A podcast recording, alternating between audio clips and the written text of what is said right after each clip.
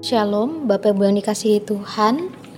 Pada saat ini kita akan merenungkan satu tema, tema Natal yang berjudul Menikmati Damai Natal yang terambil dari Injil Lukas pasal 2 ayat 11 yang berkata, Hari ini telah lahir bagimu juru selamat, yaitu Kristus Tuhan di kota Daud.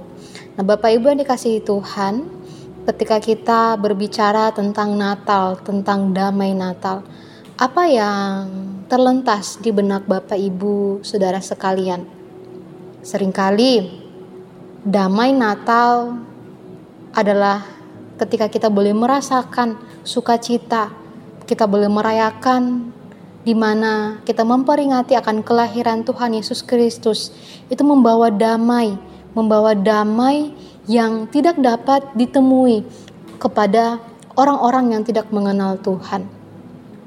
Perbedaan damai Natal dengan dunia, ya, dunia pada saat ini, di mana dunia pada saat ini adalah dunia tanpa pengharapan, dunia tanpa sukacita yang kekal, semuanya bersifat sementara.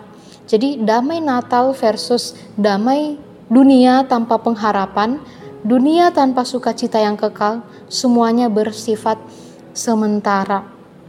Ketika kita mengimani akan hal ini, kita mengimani bahwa damai Natal adalah damai yang ketika Tuhan Yesus dilahirkan ke dalam dunia, mengambil rupa sebagai seorang hamba, sebagai seorang manusia. Dan pada saat itu juga dunia ada di dalam pengharapan. Dunia memiliki pengharapan. Dunia memiliki sukacita yang kekal. Walaupun dunia hanya bersifat sementara, tapi damai Natal akan selalu melekat erat, akan selalu menempel di dalam hati setiap orang percaya yang menantikan, yang mengimani, dan merayakan sukacita Natal dan damai Natal itu. Nah, Bapak Ibu yang dikasihi Tuhan, zaman dulu sebelum Tuhan Yesus lahir, yaitu masa 380 sampai 400 tahun, ternyata dunia sama sekali tidak menerima pewahyuan yang ditulis ke dalam Alkitab. Nah, menurut sejarah penulisan Alkitab eh, yang terakhir ditulis kira-kira 400 sampai 340 sebelum Tuhan Yesus lahir. Nah, jadi ini ditulis sekitar tahun 40 Masehi. Sebelum Tuhan Yesus lahir, eh, sebelum Tuhan Yesus jadi manusia, tidak ada orang Kristen, tidak ada orang Kristen, tidak ada penginjilan, tidak ada orang yang percaya kepada Tuhan Yesus. Yang ada adalah umat Israel, orang-orang percaya yang menantikan Mesias, yang menantikan Mesias juru selamat, yaitu Allah Tritunggal, Allah yang menjadi manusia dan diam di antara semua orang percaya. Nah, salah satunya seperti yang kita ketahui ada orang yang bernama Simeon. Dia adalah orang benar yang menantikan penghiburan bagi Israel. Dia adalah seorang nabi yang menantikan kelepasan untuk Israel. Nah, bagaimana kehidupan orang Israel? Bagaimana kehidupan mereka? Yang pertama, tentunya mereka hidup di bawah kuasa pemerintahan mereka masing-masing. Seperti mereka tunduk, mereka hidup uh, di bawah raja, kaisar, mereka sangat kejam. Bahkan beberapa diceritakan bahwa raja-raja mereka sangat kejam, bahkan sampai menyembah kepada berhala. Mereka hidup di dalam uh, kekejaman, mereka hidup di bawah raja. Mereka hidup sengsara, tidak memiliki tujuan, tidak memiliki uh, pengharapan, sukacita itu, tidak memiliki damai di dalam hati mereka. Nah, orang-orang yang sudah mengenal Allah, yaitu orang-orang Israel yang berpegang pada Taurat, tapi bisa dikatakan bahwa orang-orang yang telah berpegang pada Taurat ya, orang-orang yang sudah mengenal Allah ini itu orang Israel, bisa dikatakan iman mereka uh, sungguh memiliki tantangan yang sulit karena pengharapan mereka seolah belum terbukti nyata. Mereka masih hidup di dalam hukum Taurat. Mereka berpegang pada Taurat, tapi iman mereka sungguh memiliki tantangan yang sulit karena pengharapan ya, karena pengharapan mereka seolah belum terbukti nyata. Nah, Bapak Ibu yang dikasihi Tuhan, dan akhirnya setelah masa 380 tahun, ini merupakan masa-masa yang sangat penting, yang sangat genting, dan seolah-olah Tuhan berdiam. Seolah-olah Tuhan tidak berbicara apa-apa. Tuhan tidak memberikan pewahyuan. Tuhan Allah tidak berbicara, tidak memberikan pewahyuan kepada orang percaya.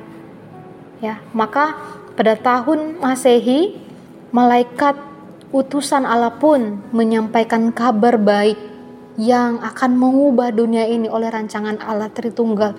Jadi ada masa yang sangat penting seolah-olah Tuhan berdiam dalam kurun waktu yang sangat lama.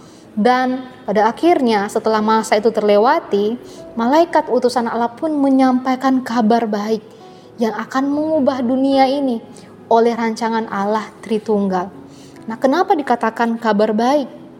Karena dalam Lukas pasal 2 ayat 11 berkata, Hari ini telah lahir bagimu juru selamat, yaitu Kristus Tuhan di kota Daud.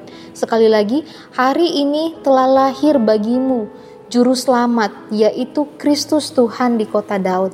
Nah, contohnya kalau kita sedang bekerja, kita di kantor, entah kita sebagai ibu sebagai ibu rumah tangga, uh, katakanlah kita sebagai ibu rumah tangga yang bekerja, bekerja di perusahaan, di toko maupun di mana pun kita bekerja, tentunya kita pasti menunggu-menunggu ya, kita menunggu adanya gaji, kita menunggu adanya THR yang diberikan ya entah itu per bulan, satu tahun dua kali, per enam bulan dan lain sebagainya. Akhirnya ketika waktu itu datang, pasti itu adalah waktu masa yang ditunggu-tunggu ketika kita akan menerima gaji ya. Ketika kita menerima gaji itu itu adalah waktu yang kita tunggu-tunggu ya. Kita sangat antusias untuk menunggunya ya. Nah apalagi ketika berbicara tentang kehadiran ya malaikat yang menyampaikan kabar baik kelahiran Tuhan Yesus ya.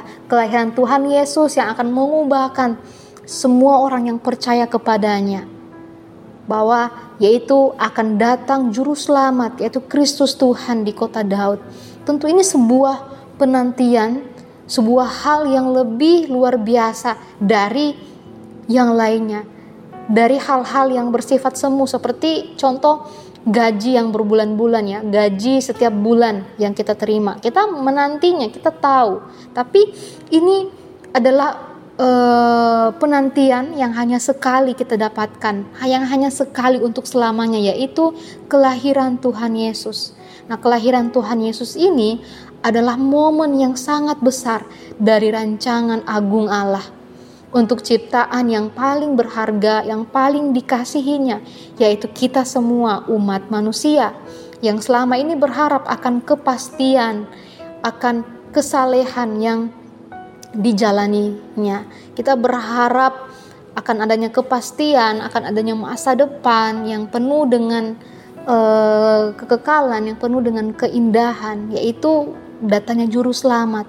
Kita berharap akan kepastian, yaitu juru selamat itu sendiri. Dan juru selamat itu sendiri telah datang, telah menebus dosa kita sebagai orang berdosa, sebagai manusia yang tadinya berbalik kepada Allah, kini ditebus oleh Allah. Dia dilahirkan untuk kita semua, untuk orang yang berdosa. Sungguh sangat luar biasa kasih Allah bagi kita. Sungguh sangat luar biasa rancangan Allah bagi kita, setiap orang percaya. Nah, bapak-bapak, bapak ibu yang dikasihi oleh Tuhan, maka apa yang akan terjadi? Apa yang harusnya dirasakan oleh orang-orang yang mengaku dirinya sebagai umat percaya, sebagai umat yang menyembah Allah Israel. Ya. Seperti dalam Lukas 2 ayat 10 berkata, "Sebab sesungguhnya aku memberitakan kepadamu kesukaan besar untuk seluruh bangsa." Ya, lanjutnya pasal 2 ayat 14 berkata, "Kemuliaan bagi Allah di tempat yang maha tinggi dan damai sejahtera di bumi di antara manusia yang berkenan kepadanya." Damai damai sejahtera di bumi di antara manusia. Jadi bukankah damai sejahtera itu hidup dan ada di antara manusia yang berkenan kepadanya hati kita orang percaya. Ya ada damai sejahtera kepada kita semua adalah yang adalah orang-orang yang berkenan kepadanya.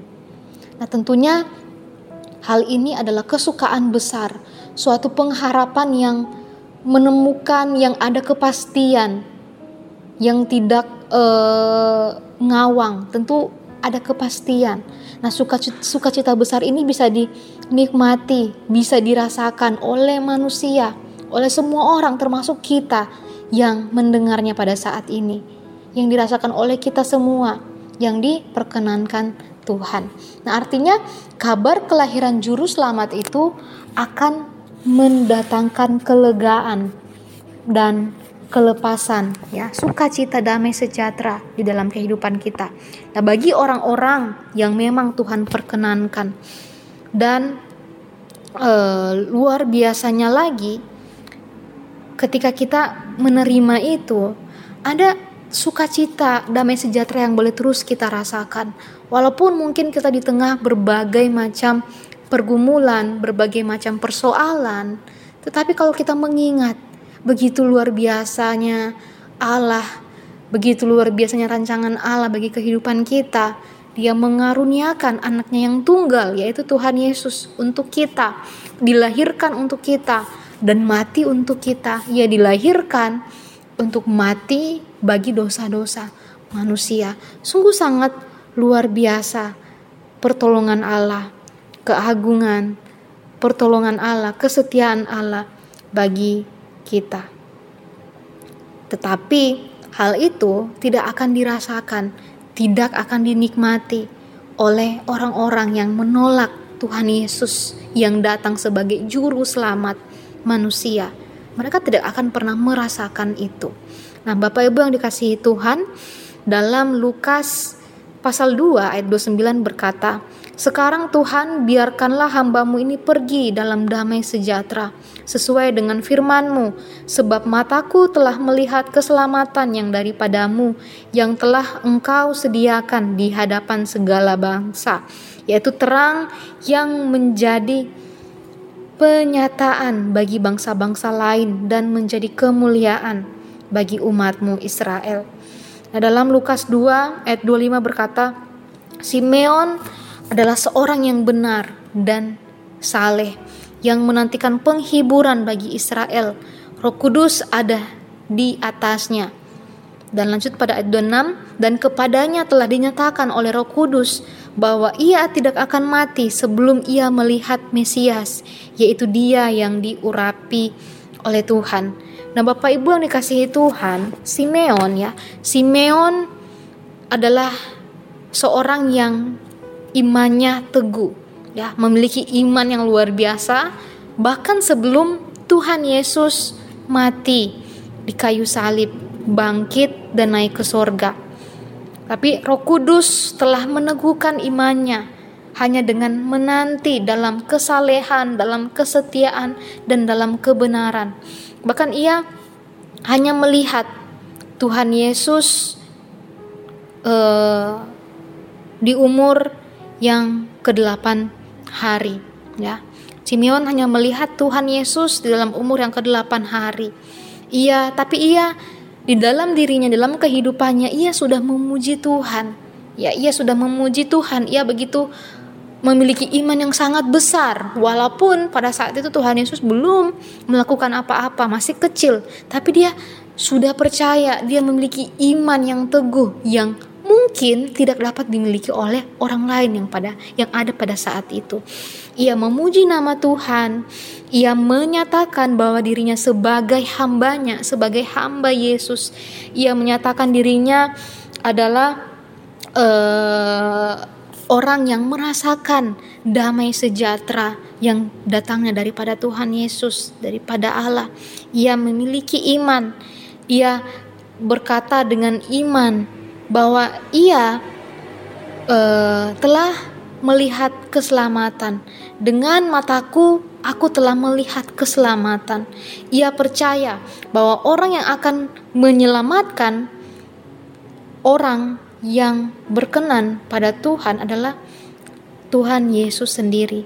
Ia percaya bahwa orang yang akan menyelamatkan, orang yang akan diselamatkan adalah orang yang berkenan pada Tuhan, orang yang sungguh-sungguh percaya kepada Tuhan Yesus. Nah, untuk itu Bapak Ibu yang dikasihi Tuhan, maka pertanyaannya bagaimana dengan kita sekarang? Dengan kita yang hidup pada masa ini. Apa yang ada di dalam pikiran kita? Apa yang telah kita lakukan di sepanjang kehidupan kita? Ya, kalau dihitung dari bulan Januari bahkan sampai di penghujung tahun ini, apa yang sudah kita lakukan, Bapak Ibu yang dikasihi Tuhan? Bagaimana dengan kita sekarang? Nah, Bapak Ibu, dalam momen memperingati kelahiran Tuhan Yesus yang sudah terjadi 2000 tahun yang lalu, mari kita lebih bersuka cita lagi. Mari kita boleh melihat bahwa kasih Allah sungguh sangat luar biasa bagi kita. Kasih Allah tidak pernah berubah sedetik pun. Di saat kita berubah, kasih Allah tidak berubah bagi setiap kita. Orang percaya, orang yang menantikan, orang-orang yang menantikan damai sejahtera. Untuk itu mari kita lebih bersuka cita lagi di dalam momen memperingati hari kelahiran Yesus Kristus yang membawa kedamaian di dalam hati kita. Kita pada saat ini tidak lagi hidup dalam hukum Taurat, tetapi kita hidup di bawah kasih karunia Allah. Nah, banyak hal yang ingin diketahui orang di dalam dunia ini tentang bagaimana berelasi dengan pribadi tertinggi, ya, yaitu mereka melakukan banyak sekali usaha, banyak uh, ketundukan kepada uh, Allah. Mereka berusaha untuk tunduk, untuk uh, berbalik, untuk mencari Allah dan tetapi juga ada orang yang bersusah payah mereka berusaha ya tunduk kepada Allah tapi tidak diselamatkan. Karena apa? Karena hati mereka ya karena hati mereka yang salah. Mereka uh, seolah-olah bersuka cita mereka seolah-olah ingin mendapat perkenanan dari Allah tetapi hati mereka busuk hati mereka penuh dengan tipu muslihat mereka uh, seolah-olah berusaha untuk melakukan banyak sekali relasi dengan yang tertinggi itu kepada Allah, tetapi ternyata tidak diselamatkan oleh Allah. Nah, oleh oleh sebab itu Bapak Ibu yang dikasih Tuhan, pada saat ini kita yang telah melihat dengan iman melalui juga Alkitab yang ada di dalam kehidupan kita sehari-hari yang bisa kita baca, karya Tuhan Yesus yang sudah ditulis untuk kita semua. Biarlah ketika kita membacanya, ketika kita ingin berelasi dengan Tuhan, kita sungguh-sungguh memiliki hati yang berpaut, hati yang sungguh-sungguh mau mencari Dia, bukan hati yang mau mencari Allah ketika ada perlu saja. Ya, karena kita hidup di dalam kasih karunia, kita tidak hidup di dalam hukum Taurat. Ada begitu banyak orang yang melakukan banyak usaha, ketundukan ya pada Allah. Tetapi mereka tidak diselamatkan. Mereka tidak sungguh-sungguh percaya kepada Allah. Jangan sampai kita seperti itu, Bapak Ibu. Ada Alkitab yang bisa kita baca. Alkitab itulah yang menjadi pedoman, penuntun ya, dasar hidup kita untuk percaya kepada Allah. Dan Bapak Ibu yang dikasihi Tuhan, kita sekarang telah mencicipi karya keselamatan. Keselamatan yang diberikan oleh Allah. Ya. Kita lebih dari Simeon, ya. Kita lebih dari Simeon yang hanya mencicipi karya keselamatan selama masa hidupnya. Ia bahkan saleh, ia benar meskipun ia bertemu Tuhan Yesus di akhir masa tuanya, tapi dia tetap hidup saleh dan hidup benar, dan tidak kalah pentingnya lagi, dia bersuka cita dan memiliki damai sejahtera di dalam hati dan kehidupannya. Nah, dalam 1 Petrus ya, dalam 1 Petrus 1 ayat 8 di situ dikatakan bahwa kita telah dilahirkan kembali dan menjadi orang percaya kepada Tuhan Yesus. Kita akan menerima pengharapan surgawi. Kita dipelihara dalam kekuatan Allah karena iman kita meski ada banyak cobaan, tapi kita tetap bergembira. Kita tetap membuktikan kemurnian iman kita kepada Allah. Begitu banyak pergumulan, begitu banyak tantangan, itu semua tidak dapat kita singkirkan, tidak dapat kita keluarkan di dalam kehidupan kita, di dalam keseharian kita. Tetapi bagaimana pertanyaannya adalah bagaimana kita uh, membuktikannya bahwa kita bisa melakukannya. Bagaimana kita menanggapi itu dengan kemurnian, dengan iman kita yang sungguh-sungguh terfokus kepada Allah. Jadi, tetaplah bersuka cita, tetaplah terus merasakan damai itu sekalipun ada begitu banyak beban yang mengganggu hati bahkan pikiran kita. Sekalipun kita belum pernah melihat dia, namun kita mengasihinya. Kita mengasihi Allah. Allah mengasihi kita, kita mengasihi Allah. Sekalipun kita sekarang tidak melihatnya, kita tetap percaya, kita tetap berpegang kepadanya. Kita harus bergembira karena sukacita yang mulia dan yang tidak kelihatan karena kamu telah mencapai tujuan imanmu yaitu keselamatan jiwamu. Rasul Petrus kemudian menulis dalam 1 Petrus pasal 1 ayat 13 yang berkata, "Letakkanlah pengharapanmu seluruhnya atas kasih karunia yang dianugerahkan kepadamu pada waktu penyataan Yesus Kristus."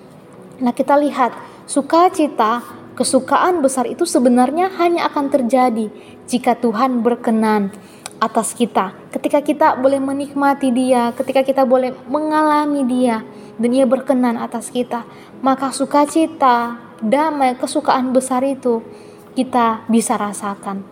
Kita bisa melihat Simeon, ia menikmati damai itu Bapak Ibu. Kita lihat pula para gembala, mereka uh, menemui menemui Tuhan Yesus karena kelahirannya yang apa yang diberitakan kepada mereka.